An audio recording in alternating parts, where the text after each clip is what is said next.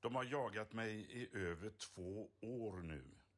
Ringt på dörren, placerat kameror i min brevlåda, satt upp efterlysningar på träd och publicerat en bedjande kontaktannons i Göteborgs-Posten. De heter Grunden Media Podcast. Och till slut fick de mig. Jag heter Janne Josefsson.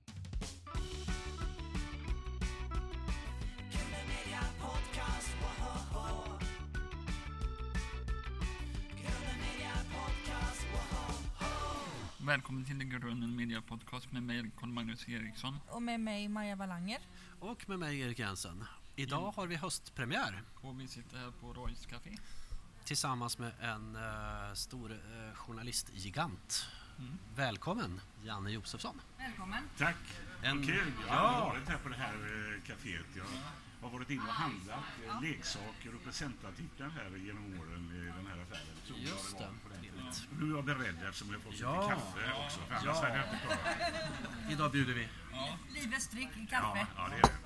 Vill du presentera dig själv? Ja, det kan jag väl göra. Jag, Janne Josefsson heter jag. Så pass mycket stämmer ju det, det ni har sagt. Eh, sen har vi inte sagt så mycket mer, men det är klart. Alltså, jag är helt och hållet förknippad med eh, min roll som journalist kan man väl säga. För, andra, men klart för grannar och bekanta så är det ju en annan sida. Men eh, jag har ju varit journalist i 45 år. Alltså. Oj, Jag gick ut Journalisthögskolan här i Göteborg julen 75, så det är väl ungefär så länge. Och det gör ju att, eh, eftersom jag har jobbat med radio, eh, och då när jag jobbade med radio så kunde folk ändå känna igen rösten när jag kom till affärer och sånt där. Sen har jag jobbat med tv i, i 20-tal år drygt, eh, sen slutet av 80-talet. Och eh, det gör ju att folk också känner igen mig. Så att man är, jag är nog väldigt mycket förknippad just med grävande journalistik, Uppdrag granskning. Liksom. Jag, jag, eh, kommer jag in, i, ibland så sticker folk iväg. Jag har kommit in på restauranger och liksom, vi har så beställt och sånt där, men de har dratt liksom, eh, ägaren och personalen genom köksfönstret. Och, men ibland har jag också fått eh, liksom, att vid något tillfälle, sån här roligt tillfälle så när vi var på en reportageresa i Småland så stannade vi till vid en pizzeria. Fotografen, eh, researchen och jag. Och så beställde vi varsin eh, pizza så här. De får ju en varsin va, eh, vanlig, jag får en stor familjepizza. för att du har varit i TV då? Ja. Eller, eller vill de gottgöra något dåligt Ja, samvete ja, kanske? vet- man kan muta? Jag vet inte varför, men så var det i alla fall. Ja. Hur känns det nu då, så här, när du sitter här, när du blir i fokus? Nej, men, eh, Är du inte rädd och sådär? Nej, rädd blir jag inte. Det, det är väl det att ibland tycker man att man kanske upprepar sig. Jag har ju blivit intervjuad genom åren eh, av en, av en del. Så att, eh, nej, jag tycker det känns kul. Vi har ju pratat om detta länge. Oh ja. Men på grund av pandemin så har det liksom förskjutits och förskjutits. Men Ja. nu är vi här. Det är ju en cliffhanger som får sin fantastiska upplösning här nu. Så, så är det med dig då, Janne. Idag är det... När jag eh, skulle eh, gå hemifrån idag så eh, kände jag Nej men detta är första höstdagen för nu, eh, den här tröjan här, Just det. den har jag inte haft på mig sedan eh, april, maj någon gång. Det var 13 grader ute idag. Ja. ja men det är ju, eh, men det är, jag känner mig jätteglad. Ja, härligt. Det är ett perfekt sätt att inviga hösten nu då, för Ja, det här är ju ja. faktiskt våran höstpremiär Ja. eh, som vi har idag. Så att eh, det blir en fin, fin start här. Ja. Vad är du aktuell med just nu? Är aktuell med just nu. Jag har... Eh, alltså jag har ju lämnat Uppdrag granskning sen eh, två, tre år är det väl. Och, eh, så att, men jag har ju lite svårt att lägga av helt och hållet.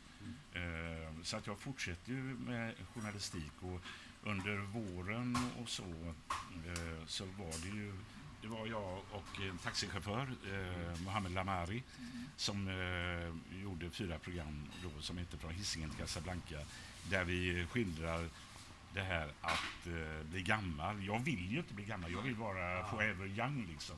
Medan han tyckte så här, ja men nu börjar livet. Och då säger jag till honom, men börja livet? Nu har du haft så tråkigt i hela 65 år. Och, så, och sådär. Men eh, sen har jag varit med i eh, Alla mot alla och till och med Ja. Let's Dance. Och så eh, men nu under eh, hösten här kommer jag framförallt fokusera på att skriva en självbiografisk bok med hjälp av en eh, annan journalist. För jag är en snackare mer än en som skriver. Eh, jag har jobbat med radio och tv hela livet och sånt där. Men jag ska försöka få ihop historien om mitt eget liv.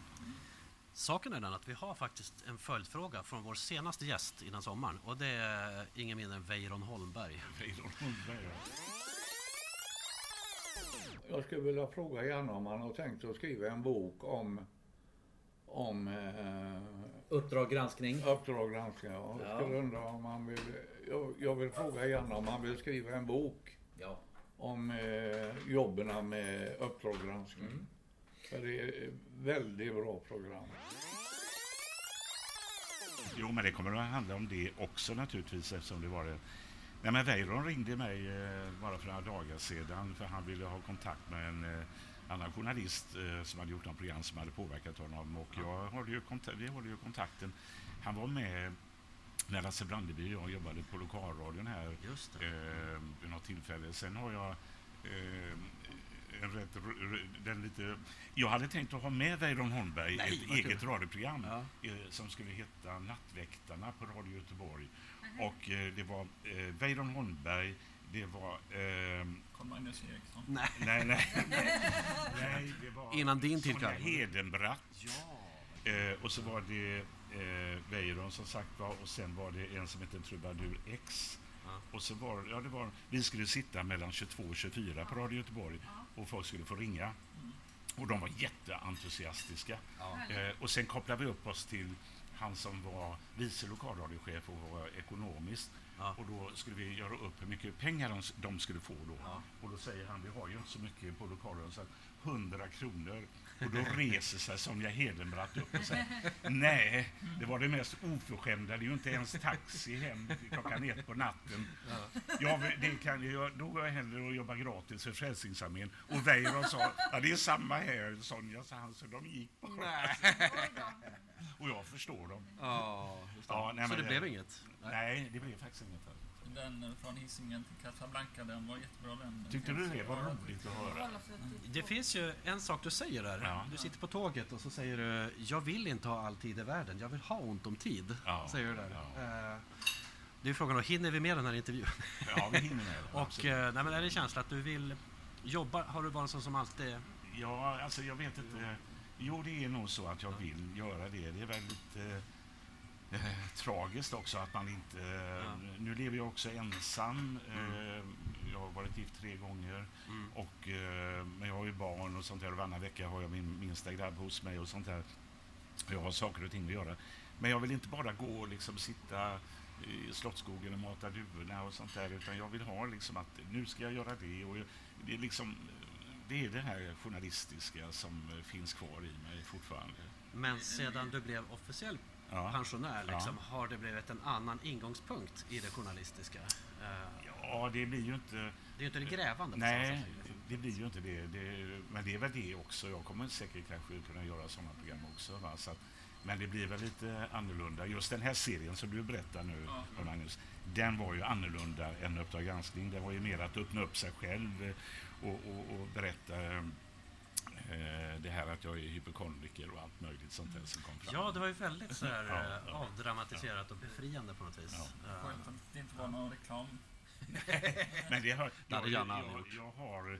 Nej, reklam har jag väl aldrig gjort. Men däremot har jag jobbat på... Jag har gjort program för TV4 och, och Mm. sån här också. Men framförallt är det ju public service, Sveriges Radio och Sveriges Television jag har jobbat. Mm. Det är ju där jag har varit anställd. Vill din son också jobba som journalist? Min yngste son är nog den som är mest lik mig. Han skulle nog, men eh, jag har sagt nej, ta något annat för det, jag tror det blir ett ok att liksom eh, göra samma sak som jag. Men ja, vi får se. Ville du bli journalist när du var liten? Nej, jag tror... Jag, alltså jag utbildade mig till eh, vad man kallar marknadsekonom och re, eh, ville bli reklamman, jobba Ja. med reklam. Ja. Men vid ungefär eh, 18-19 års åldern så började jag hellre att eh, jag ville bli journalist. Men det har kommit fram klasskamrater till mig och sagt att men Janne, du ville bli journalist redan när du var 12 år. Men var du en sån som eh, vill ha rättvisa på lektionerna? Och, och intresserad av samhällsfrågor? Ja, intresserad av samhällsfrågor har jag. Jag är väldigt lik min mamma. Hon ville nog, eh, det var ju hon som eh, eh, pushade mig rätt mycket att jag skulle plugga och vid några tillfällen när jag gick på, jag är uppvuxen i Biskopsgården då, så var jag nära att bli relegerad från skolan, alltså att eh, inte vara kvar för jag busade så jäkla mycket. Aha. Och, och då kände jag det här att min mamma hade sådana förväntningar på mig att jag, nu måste jag skärpa mig så att jag liksom, eh, så att, eh, men eh, det, det var otroligt när jag kom in på Journalisthögskolan i Göteborg. Det var en otrolig känsla. Din pappa jobbade på Volvo och, Ja. din, och, din, och, din eh, mamma hon var städerska. Och Ja. sen så blev hon eh, utbildad sig till, eh, till postkvinn... Eller Eh, vad- brev- ja. brevbärare. Sveriges första kvinnliga Ja, i brevbärare. alla fall i Göteborg var det Ja. den första. Och så var det den första i din familj som gick vidare till, till journalist. Ja, ja. Vad du har läst på alltså. Ja, Ja, och sen, och Ja. sen, eh, här har vi en Lars-Göran Svensson. Ja, just det. Så det var du att växa upp i, i Biskopsgården och eh, har du några förebilder inom journalistiken? Ja, min, min största förebild inom journalistiken är en amerikansk journalist som heter Studs Terkel. Som, eh, han gjorde väldigt mycket om eh, människor som levde eh, väldigt fattigt och påvert i USA på 30 och 40-talet. Men han eh, fortsatte att göra, eh, skriva böcker, gjorde filmer, var, jo, gjorde väldigt mycket radio som jag också gjorde då när jag fick upp ögonen för honom. Och han eh, dog samma eh, vecka, tror jag faktiskt, samma månad i alla fall, som eh, eh, Barack Obama blev installerad som president Aha, eh, i Chicago. För han bodde i Chicago. Och, eh, nej, han var en, en stor idol. Hur det var att växa upp i Biskopsgården, alltså det var, du kan ju tänka dig, det är 60-talet framförallt, va? 50, framförallt 60-talet. Det var nya hus, jag bodde i de så kallade bananhusen som ligger ovanför Vårväderstorget där. Ehm, de, de flesta mammorna var ju hemma, men många av dem började ju jobba så småningom. Min mamma jobbade ju på kvällarna då till att börja med när hon var städerska och sådär. Och papporna var nästan alla min pappa var Volvoarbetare, eller så var de varvsarbetare eller hamnarbetare och sånt där. Så det var, det var väldigt eh, homogent om man säger så. Alltså alla delade samma villkor. Det var ju folkhemmet som byggdes upp då. Va? Och sen kunde vi få det lite bättre. Pappa kunde eh, ta körkort, vi skaffade bil, vi kunde hyra en sommarstuga i Lindome. Och skolorna blev bra så man kunde gå vidare. Det är en väldigt stor skillnad jämfört eh, med idag. Och jag, i vissa delar av Biskopsgården eh, eh, skulle jag absolut inte vilja växa upp med barn idag. Det är vissa faror, de- verkligen. De, Eh, bränner, en del på, de bränner ju bilar. ja. Nej, jag är förtvivlad över den eh, utvecklingen. Och jag har försökt eh, som journalist att varna för den i väldigt, väldigt många år. Väl, en av de första tv-programmen jag gör, eller tv-dokumentärerna, eh, handlar om femmans spårvagn mellan. Biskopsgården och Örgryte. Där man kunde se att det var två skilda världar. Det är ytterligheterna. Ja, ytterligheten Det är stora klyftor i samhället. Med, Ja, men det har ju vuxit något enormt. Så nu är det ju inte bara skilda världar, skilda planeter. Och det är ett farligt samhälle när det blir för mycket. Jag tror ju inte på att alla kan ha det likadant och lika bra. Absolut inte. Jag tror att det är en väldigt förrädisk eh, dröm som dessutom kan vara farlig, för människor är olika och olika förutsättningar. alltihopa. Men klyftorna får inte bli så stora som de är idag. Och på bägge sidor så säger man upp, man kan säga någon slags samhällskontrakt att nu gäller lag och ordning. Killarna i, i Bergsjön till exempel, eller i Biskopsgården, de kriminella killarna, eh, de, de säger upp kontraktet och, och jobbar illegalt. Men även de absolut mest välbeställda gör också det. Och betalar inte skatt utan trollar bort den och sätter barnen i speciella skolor där de inte behöver... Ja, och det där är...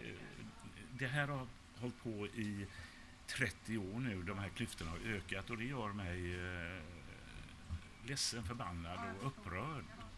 Jag tänker så här, har, har din eh, arbetarklassbakgrund varit en journalistisk drivkraft? Mm.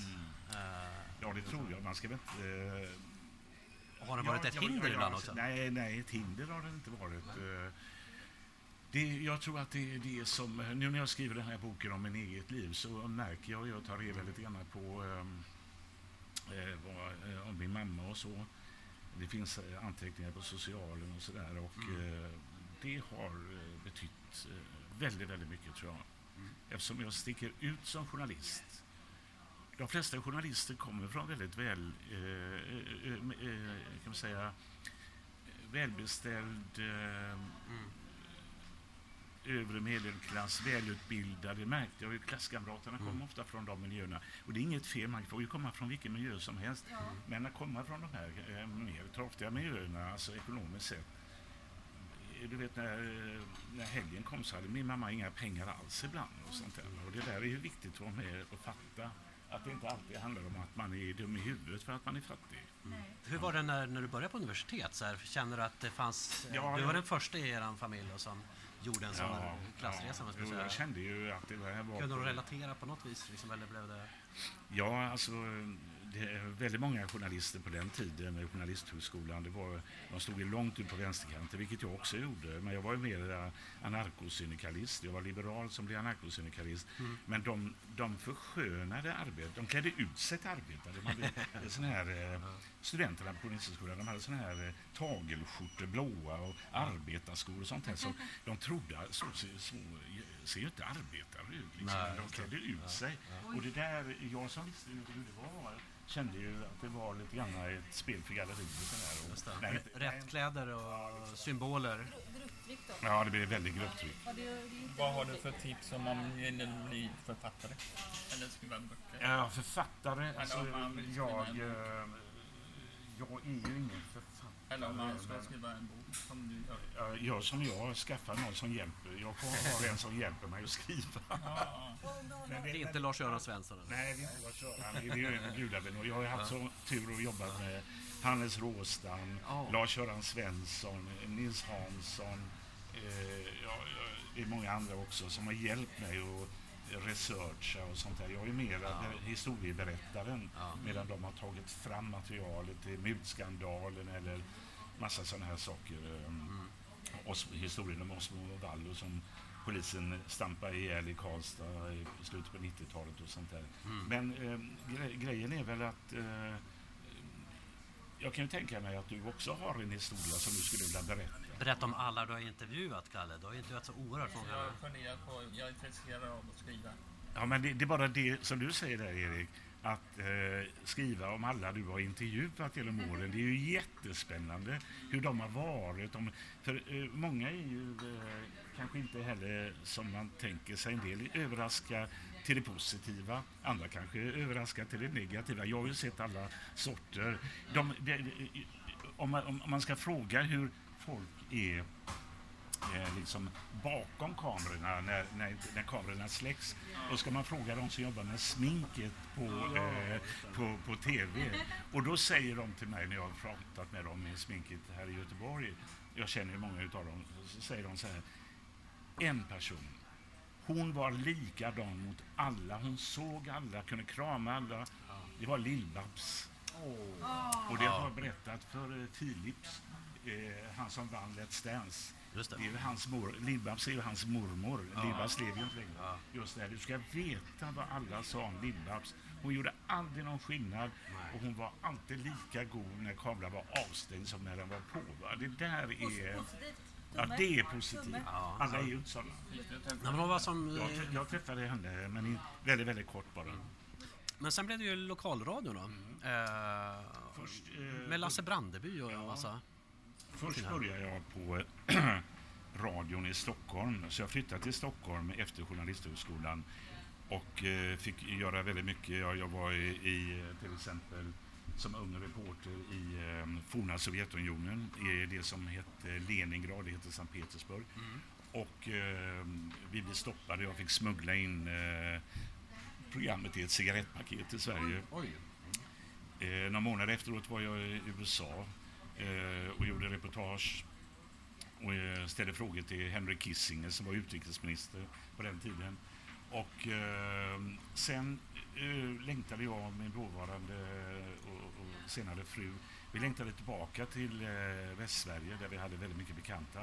Så vi flyttade tillbaka hit och eh, då började jag på lokalradion och eh, jag och Lasse Brandeby hamnade på lokalradion i Borås som tillhörde Radio Göteborg på den tiden. Och eh, Lasse och jag han kom som praktikant från Journalisthögskolan. Och vi, vi, vi, vi connectade så att vi var väldigt olika men vi liksom ändå och vi startade ett program som hette Elfte timmen. Där var Weiron med från Weiron Holmberg. Ja, okej. Inte ottan, utan i elfte Och timmen. då blev vi bra vänner. Ja, vi blev både privata vänner och eh, det är faktiskt... Eh, Han var rolig och trevlig. ja, Det måste finnas en uppsjö med anekdoter här, tänker jag, om Lasse. Det är jättenyttigt. eh, Du var på hans begravning va? ja, ja, jag var på hans Ja, begravning. Det var jag- jag- jag- jag- Bastugskyrkan. Jag har läst att du var där. Och det är tio år sedan. Ja. Och det, jag glömmer aldrig när eh, eh, den begravningen. Och det var väldigt allvarsamt naturligtvis. Och eh, eh, det var en väldigt bra präst.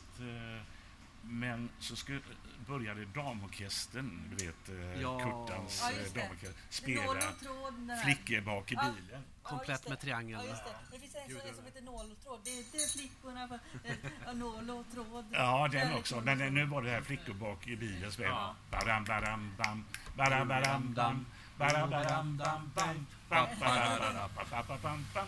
Och då eh, tittade Lasse Kronér och jag på varandra så här. Han satt han i någon bänkrad framför. Ja. Och, jag, och så började vi så här. Va? Ja. Och då blev det en sån otroligt god känsla eftersom vi, både jag och Lasse kände Lasse Brandby väldigt väl. Så Ja. Nu är Lasse med. Nu är han här. Så där. vi vände den här Den här eh, tunga känslan. tunga känslan och, och mista honom till liksom ändå något gott. Va? Men det är klart, eh, Lasse Kronér och jag pratar ibland just om att, eh, att man kan, eh, kan längta till Lasse saknar han? Jag saknar honom så Han var ju ja, han var så genuin, tycker jag. Ja, han var, inte, han var inte världens bästa journalist. Han jag. Nej, men det var han inte. Men han var världens bästa. Alltså, han hade ju, vad han än gjorde blev det roligt. Alltså, Han, han var en god gubbe. Ja, han kunde sitta och dra historier. Han kunde sitta och dra historier, vet du. Ja. Men när vi var på fester och sånt där. Och ibland så, så, så somnade jag, så vaknade jag. Och kunde jag se honom, han sitter fortfarande och drar historier. Är du kvar? Men Lasse, säger jag. Och bland de roligaste grejerna han berättade, när jag Ja. fyllde 50 på Åstol var han ju där. Han och Ninni Fjällkuro var han Ja. ja. då. Eh, och då så satt eh, Lasse och, och min syster, hon lever inte heller längre, hon, dog bara 14 dagar efter Lasse för övrigt. Åh, Ehm, då satt vi till klockan 10 på morgonen. Vi har suttit hela natten och han har dragit sina historier. Och, sånt och bland annat en berättade han ju då. Och det var att han och en, en kompis eh, till honom eh, hade seglarkurser i Rönning som ligger precis eh, vid Åstol där. Och så ligger det ett berg där uppe. Eh, och en midsommar berättade han att han eh, hade varit där. Och så hade han sent på midsommarafton sagt, är det ingen som har, jag skulle behöva ha en liten stärkare, någonting. Sånt där. Och då, då, då säger någon, säger, men ta, där har du lite grann. Och då tar han och dricker och då är det koncentrerat diskmedel för, för, för i stort sett hela Nobelfesten, vet du, han får i sig. Och han får akut ont i huvudet, ont i halsen, går upp och sätter sig på berget där Ja. och mår jättedåligt. Så kommer ett par frågar efter vägen till eh, ner till färjeläget i Rönning och Lasse ska förklara och det bara bubblar när han pratar. Ja, men han är oförglömlig. Fantastiskt. Alltså, jag tycker, fick du rollen som någon slags ursprungs-Arne Ja, det kan man nog säga. Nej, men vi var väldigt hårda. Jag var ju den här hårdföra. Jag vet när vi gör intervjuer med vissa eh, riktigt sådana här ansvarsutkrävande intervjuer, som ja. med dåvarande utrikesministern Bodström. Vi hade fått reda på att han hade tog ut dubbla löner. Då blev Lasse lite rädd. Vi pratar om Lennart Bodström Eh, och eh, inte ja, Thomas. Lennart Bodström. Lennart Bodström, pappan till Thomas Bodström. Eh, Lasse blev lite tagen, lite blek och sånt där. Medan jag går på, hur kan du som sitter i en arbetarregering ta emot dubbla löner? Och utrikesministern bara går, lämnar sändningen direkt och det blir ju rubriker av det. Kan du närma mikrofonen? nej. Ut med hakan och så här. Nej, nej, nej, jag kan inte. Det blir bara... Inte mycket sådär... Men däremot så är det ju en del som tror att eh, det kanske ligger något i det. Att han, eh, när han står vid bron med broöppning och så här, att han härmade mig som... Med, Frågade han sen om han gjorde det? Nej, jag vågade inte det. Han hade, hade han Det sagt finns ja alltså- så hade jag strypt i- så här, spontant tänker jag svårt att tänka mig att det är Janne Josef som ska göra det på det sättet. Nej. Jag tänker mer, Nej. jag står här och eh, den här bron har mage öppnar sig framför mina ögon.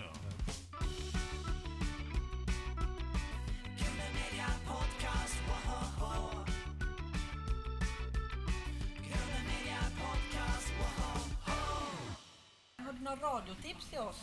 Och, eh, och hur man blir en bra radiopratare. Radiotips. Ja, eh, ja eh, för en, en eller två veckor sedan bara så körde jag två radioprogram som heter Karlavagnen. Ja, du gör det? Okej. Ja, jag hoppar in då ibland och jag kör ibland eh, Ring P1. Och det här Ka- Karlavagnen är... Ja, jag hade, man får själv välja tema. Så första kvällen, det var en fredag, sen var det en söndag. Då, första kvällen då hade jag som tema Hur är en svensk? Skiljer en, eh, en svensk ut sig från andra? Jag kommer ihåg när jag som 17-18-åring var i, i Kanarieöarna så såg man ju tyskarna var ju, engelsmännen var och sånt där. Ha, finns det en svensk folksjäl och sånt där? Och det kom in jätteintressanta röster. Andra eh, söndagen så ställde jag frågan hur är det att sitta inne i fängelse i Sverige idag? Och det var för att eh, jag har varit inne på kanske de flesta eh, fängelserna, det är ju, heter ju mera kriminalvårdsanstalter. Ja. Och de är klassade i klass 1, 2 och 3 och sånt här. Och då är det, i det programmet som handlar om hur det är att sitta inne i fängelse så ha- hade jag på telefon med en som eh, fick 16 år för ett väldigt bestialiskt mord i, i Trollhättan. Han mördade en kvinna där. Var du pratade med han? Ja, han var med på telefon. Eh, och han nekade. Jag var på eh, rättegången där han satt och nekade men nu har han eh, erkänt och eh, han lämnade till och med en liten eh, ett och ett halvårig pojke i blodbadet eh, efter att ha mördat mamman till honom. Ja, och han eh, var med i det programmet och berättade hur han såg på det idag och hur han såg eh, att sitta inne. Och han berättade att han fick 16 år men kommer ut, man kommer ju ut efter tre fjärdedelar. Så han kom ut eh, efter att ha suttit inne i tio år ungefär bara. Och, eh, men det var ändå intressant att höra honom, hur han såg på sig själv. Och min sista fråga var till honom att spelar du inte nu lika väl som du spelade när du nekade till, till mordet? Eftersom han var så väldigt, han är väldigt, väldigt väl, vältalig och, och så tycker han nästan att han fick för lite straff och sånt där. Ah. Men, men det, det blev ändå så, folk ringde ju och det blev väldigt laddat. Jag gillar ju, jag har ju varit mycket på olika fängelser. Jag var ju, gjorde till exempel ett program, eller två Uppdrag granskning om eh, en bild jag hade från 99 på fem stycken 11-åriga grabbar. Jag gjorde ett program som direktsändes från Fittja i Stockholm som heter Fittja Paradiso. Och så har jag tittat på de här bilderna eh, genom åren på de här fem grabbarna. Och jag och Hen, Hen, Henrik Hjort, som jag är en fotograf så jag jobbar väldigt mycket ihop. Vi åker upp med bilden och bara frågar, är någon som känner igen dem? Och vi hittar alla fem killarna. Och, ehm, det, de berättar om sitt liv och då förstod man också att eh, flera hade det gått väldigt illa för. Ja. Och bland annat en eh, intervjuade jag som satt inne som var tatuerad i, eh, i ansiktet och hade eh, och jag frågade honom eh, kan du tänka dig att mörda? Absolut, säger han. Men hur kan du göra det? Ja, men jag mördar ju inte någon som inte förtjänar det. Alltså det, det de, de, inte.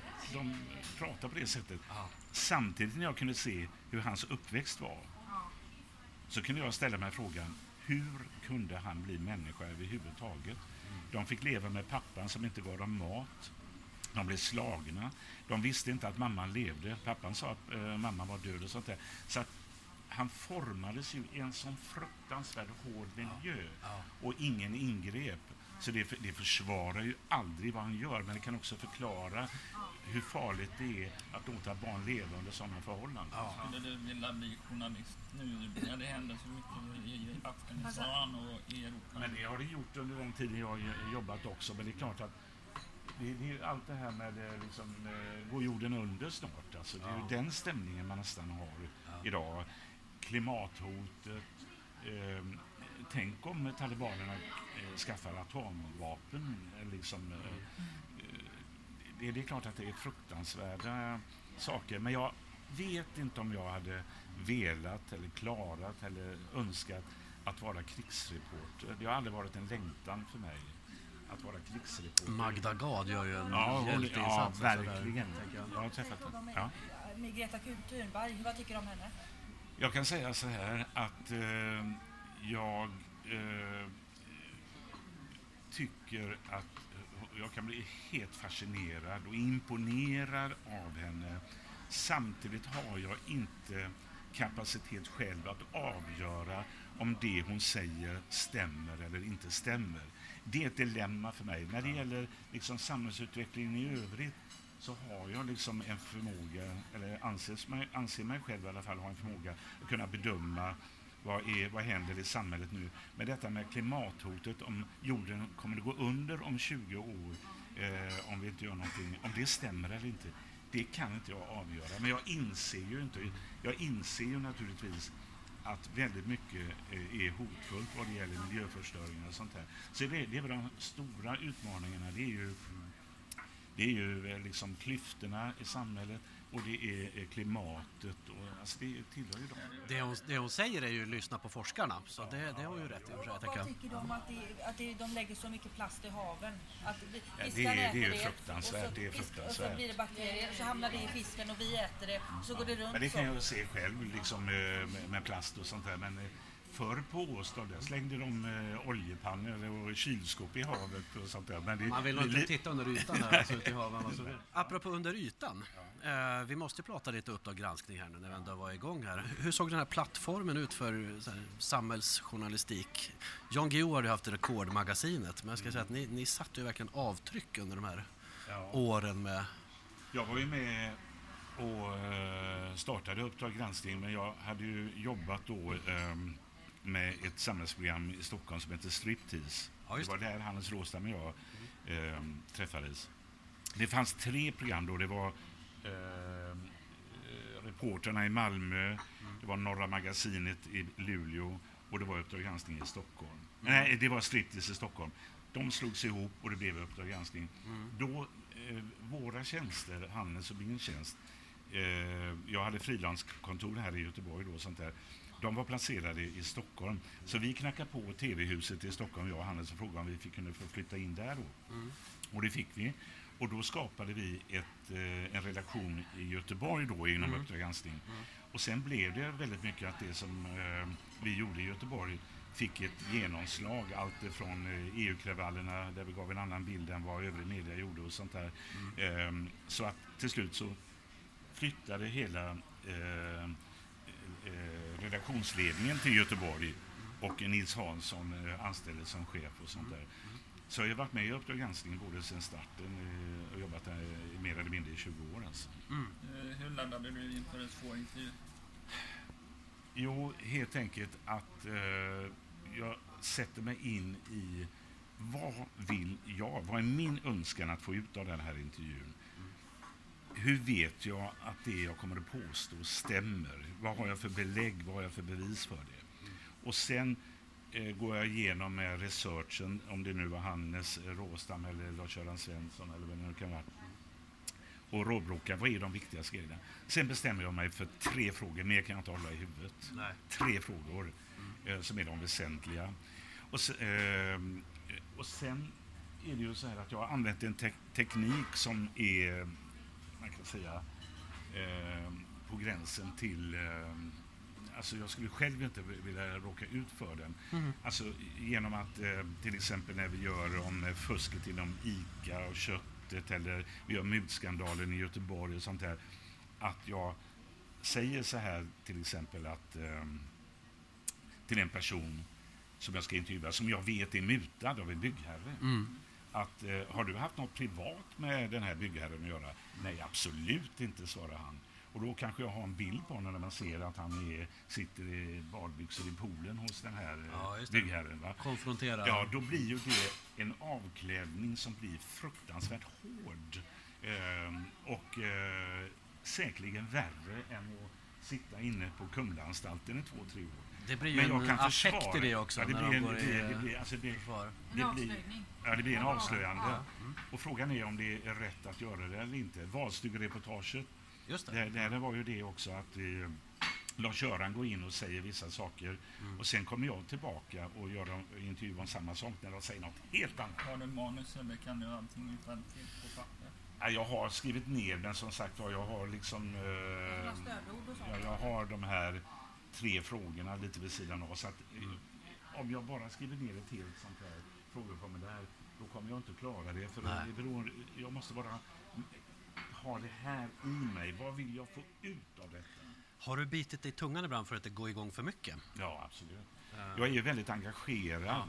Och engagemanget är viktigt, men det kan också eh, det kan slå eh, fel på grund av att Ja. man är för engagerad. Det kan, vissa reportrar, man ska, kan, ibland kan det vara mycket bättre att vara fullständigt laid back. Ja. Och sen kan man kanske i slutet komma med de här lite tuffare frågorna. Ja. Det, så jobbar jag nog kanske mera idag. Jag, jag har nog varit överladdad ibland, absolut. När man knackar på en kriminell. Ja. Är du aldrig Nej, jag rädd är, när du- Jag är ju inte rädd eh, i de sammanhangen, tvärtom. Jag blir, eh, Var kommer den tryggheten Jag ifrån? vet inte. Jag, jag blir triggad av det. Jag har träffat... eh, Jag ju, lever ju under... Jag har ju pansardörrar, jag har kameror, jag har haft Ja. vakter och jag har äventyrat hela min familj. Och det är ju, kan jag ju fråga mig ibland om det verkligen har varit värt Le- Lever du under hot? Ja, inte just nu lever jag inte under något direkt hot. Det har ju to- tonats ner eftersom jag inte har jobbat med Uppdrag. Men, Men det var inte länge sedan jag hade ett väldigt allvarligt hot där, det, där jag, det blev till och med rättegång och personen i fråga fälldes. Men Janne, då kan du ta sen eh, med snipa och ta med havet sen och... Ja. sen, det är det, lite lustigt för att eh, Åstad, där eh, har jag ju filmat att jag bor och sånt där. Känner du dig trygg där? Där känner jag mig trygg för att det, det är ju liksom en ö. Och det gör att då, ska man göra mig illa så måste de ta sig dit med båt och det kommer att märkas. Så att där har jag inte eh, det skyddet jag har här i Göteborg. Så där, där, och där, där känner jag liksom, det har kommit fram folk eh, och eh, attackerat mig där men det har aldrig varit någon fara. De har mera skäll på mig och sånt där. Och ibland har de skäll på mig på program jag aldrig har gjort. Jag säger, men det är ju Kalla fakta. Det spelar ingen roll, det är du. Du jävel." representerar den falangen liksom. eh, har du något drömprogram du vill förverkliga? Ehm, nej, det ska jag väl inte säga. Vad jag ska tänka. Jo, det, vänta lite nu ska jag tänka efter här. Det är väl... ehm, jo, det, är- det är vissa insidergrejer jag genom åren har fått om svensk polis och kungahuset. Mm. Jag fick faktiskt Vilhelm Moberg-stipendiet nu för två, tre dagar sedan. Grattis. Nej, men, I det, Växjö. grattis! Och det gjorde ja. mig så himla glad. Ja. För det, det var verkligen en person jag såg upp till. Han slog åt alla håll, Vilhelm Moberg. För några dagar sedan bara satt jag och tittade på den här debatten med Palme i Kvällsöppet. Eh, det gjorde jag Vilk, med. vilken eh, Ja. nerv det var alltså. Det var ju i Ja. lördags jag var i Växjö och eh, fick det här. Och det, jag inleder mitt tacktal att jag kvällen innan tittade på, eh, om det heter Kvällsöppet eller något sånt där, eh, där Palme möter eh, Vilhelm Moberg i frågan om Solzhenitsyn. Solzhenitsyn ska få eh, Nobelpriset. Och han fick ju inte komma till Sverige. Och, eh, eh, ja, jag tycker det. Är en sån nerv i debattprogram man kan sakna. Ångrar du något reportage? Eh, Ja, det finns ett reportage som eh, jag ångrar. Och det var väldigt eh, viktigt reportage, men eh, det? eh, det handlade om eh, vi gör om en person som jag har träffat många gånger på olika anstalter som heter Dano Akar. Han ledde eh, Original Gangsters här i Göteborg, uppvuxen i, på Siriusgatan i Bergsjön. Och eh, jag undvek under flera år att göra om eh, kriminella gäng eftersom jag hade väldigt allvarliga hot mot mig och sånt där. Men vid något tillfälle så gjorde en kollega till mig ett reportage om Dana Akar. Hon åkte till Turkiet där han troligen fortfarande befinner sig. Han flydde härifrån Göteborg när han hade muckat och sådär. Bytte han identitet då? Nej, han heter fortfarande Dana Karl tror jag. Men jag gick till en sk- Bergsjöskolan utanför Bergsjöskolan med en bild på Dana Karl och frågade ungdomar då i 14-15 års ålder, vet ni vem det här är?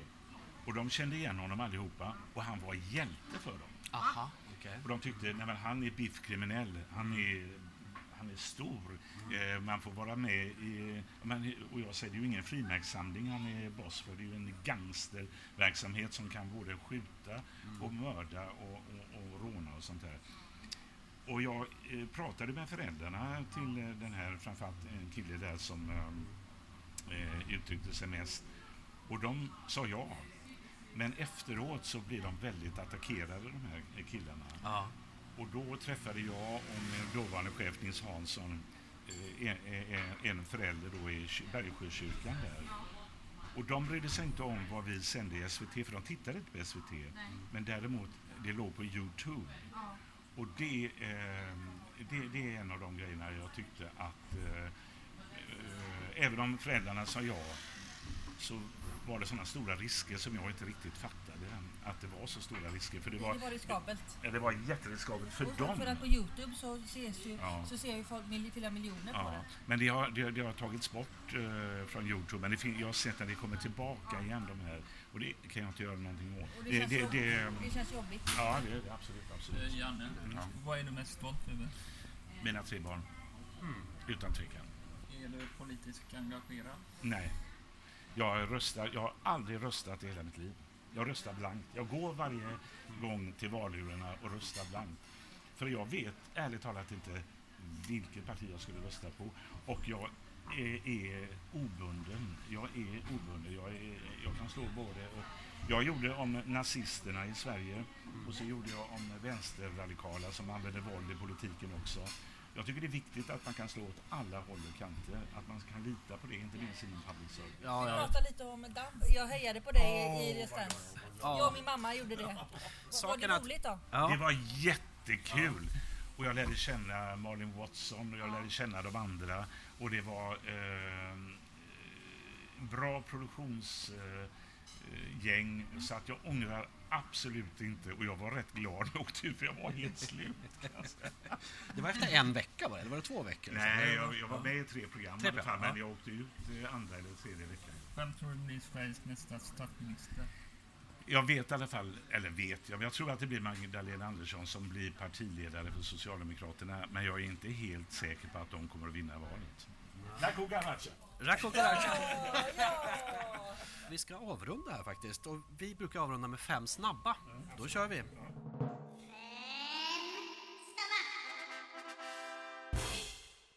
Kaffe eller te? Eh, jag börjar varje dag med att dricka te, sen dricker jag kaffe. Men om jag fick välja så hade jag kaffe. Hummer eller pasta? Hummer. Bo Holmström eller Jan Guillou? Bosse Holmström. Eh, Vinyl eller Spotify? Spotify. Om vi anknyter till det du har gjort här. Bugga eller bli buggad? Ja, de får gärna bugga mig, det gör mig. Åstad eller Göteborg? Åstad och Göteborg! Och, ja, ja, Jag man får säga inte- båda. Jag klarar inte att och, och välja mellan dem. Eh, Så är Journalist eller författare? det. Journalist. Spårvagn 5 till Örgryte eller spårvagn 5 till Biskopsgården? Spårvagn hem till Biskopsgården. Ja. Om du skulle vilja ställa en följdfråga till Ann Wilson i eh, Let's Dance-juryn, Ja. vad skulle du ställa för fråga till henne? Ann Wilson. Ja, det är hon i juryn, ja. Ja, det är hon som... Eh, ja, vad ska jag ställa till henne? Eh, hur är Tony Irving i verkligheten? Berätta! Janne, tusen tack för att vi fick prata med dig. Tack Erik, jätteroligt. Ja, Ja, Skitkul. Sköt- Lite annorlunda, Ja. jag, som gör att det blir bra. Ni var på bettet. Ja, vad bra. Ja. Det var en jättebra dag. Sköt om dig. Hej då.